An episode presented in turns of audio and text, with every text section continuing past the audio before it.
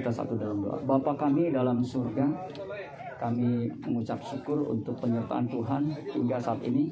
Kami boleh tiba untuk memakamkan kekasih kami yang kami hormati, yang kami hargai dan kami sayangi, Bapak Tan Lanwi. Kami percaya itu karena kebaikan Tuhan. Kami mau mendengarkan firman-Mu, sebab hanya firman-Mu yang akan menghiburkan kami semua, khususnya keluarga yang ditinggalkan. Kami buka hati kami buat sabda firman-Mu. Di dalam nama Tuhan Yesus kami berdoa mengucap syukur. Haleluya. Amin. Shalom saudara. Izinkan saya membacakan dua ayat dari Lukas pasal 16 ayat 22 sampai 23. Kita bersyukur pada kesempatan kali ini cuaca yang baik untuk kita bisa memakamkan yang kita hormati Bapak Tan Lanwi. Lukas 16 ayat 22, kemudian matilah orang miskin itu. Lalu dibawa oleh malaikat-malaikat ke pangkuan Abraham. Orang kaya itu juga mati. Ayat 23. Lanjutan dari ayat 22. Orang kaya itu juga mati. Ya, kalau sebelumnya Kemudian matilah orang miskin itu lalu dibawa oleh malaikat-malaikat itu ke pangkuan Abraham. Ayat 23. Orang kaya itu juga mati. Lalu dikubur. Dan sementara ia menderita sengsara di alam maut, ia memandang ke atas dan dari jauh dilihatnya Abraham dan Lazarus yang orang miskin tadi itu duduk di pangkuannya. Saudara, kita mungkin sebagian besar sudah familiar dengan kisah orang kaya dan Lazarus yang miskin. Jadi Lazarus itu miskin atau duduk di berbaring di dekat pintu gerbang orang kaya ini. Orang kaya ini bukan hanya sekedar kaya tetapi sangat kaya. Setiap hari bersukaria, pakaiannya mewah. Ya. Lazarus miskin, saking miskinnya makan pun harus minta belas kasihan dari orang kaya ini. Nah, yang menarik saudara, di situ dikatakan ayat 22, kemudian matilah orang miskin itu. Lazarus itu mati. Ternyata orang kaya yang nasibnya tanda kutip jauh lebih baik daripada Lazarus, Alkitab mengatakan juga mati. Ya, kalau saya boleh kaitkan dengan tadi ibadah pelepasan jenazah bahwa akhir hidup setiap orang tanpa kecuali dia kaya, dia miskin, dia pintar, dia bodoh, dia berpangkat atau dia tidak punya pangkat, itu nasibnya sama pada akhirnya yaitu mati juga. Ini sekaligus menjadi penghiburan kita juga bahwa semua orang pada akhirnya ujungnya sama yaitu mati juga. Tetapi yang membedakan adalah setelah kematian. Di sini dijelaskan bahwa orang kaya itu dikatakan menderita sengsara di alam maut. Ya. Menderita sengsara di alam maut. Menderita sengsara di alam maut itu bukan sehari dua hari. Ya. Atau seminggu dua minggu, sebulan dua bulan. Tapi selama-lamanya. Jadi jangan sampai kita masuk di alam maut yang menderita ini. Ada orang bilang jangan sampai kita masuk di tiga tempat. Masuk rumah sakit, masuk penjara, masuk neraka. Tiga-tiganya nggak enak, tetapi masuk neraka. Yang jadi masalah bukan sehari dua hari, tetapi selama-lamanya. Nah orang kaya ini menderita sengsara di alam maut itu selama-lamanya.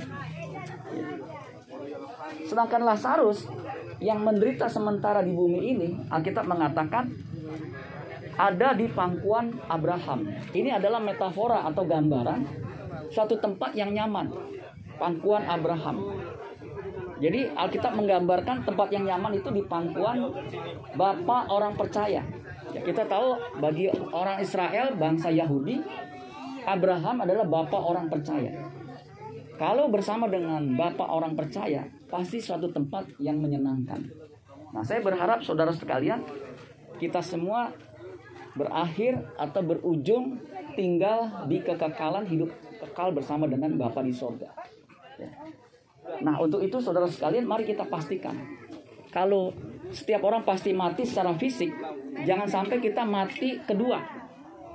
Alkitab mengatakan mati kedua itu adalah kematian kekal, masuk neraka jahanam, di mana ya, apinya tidak pernah padam, ulatnya tidak pernah mati, di mana ada ratap kertak gigi, ya, gelap gulita, lorong yang tidak berujung. Itu gambaran keadaan yang sangat sangat sangat tidak nyaman.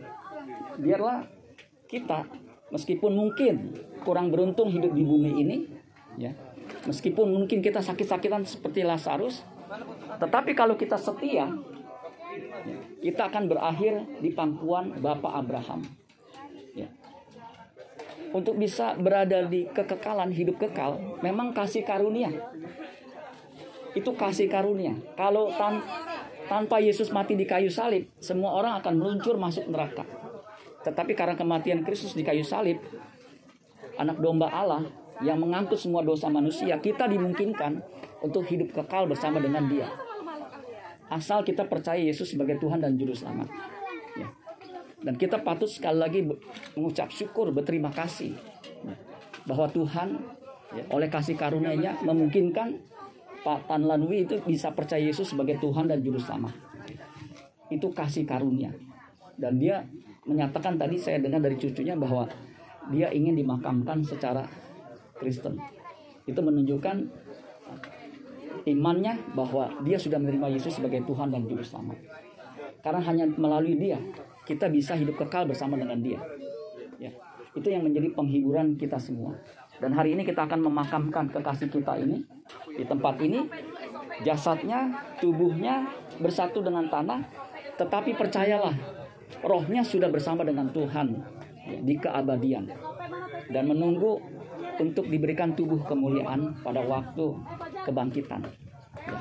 Dan kita yang percaya suatu kali kelak kita akan reuni, bertemu kembali bersama kekasih kita termasuk kepada yang kita hormati, kita kasih Bapak Pan Lanwi.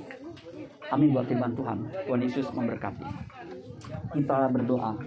Bapak kami dalam surga, kami bersyukur Tuhan untuk firman-Mu yang mengingatkan kami bahwa satu kali kelak kami pun akan mengalami kematian dan Tuhan menghiburkan melalui firman-Mu bahwa siapa yang mati dalam Tuhan itu akan bersama dengan Tuhan, bersama dengan Bapak Abraham.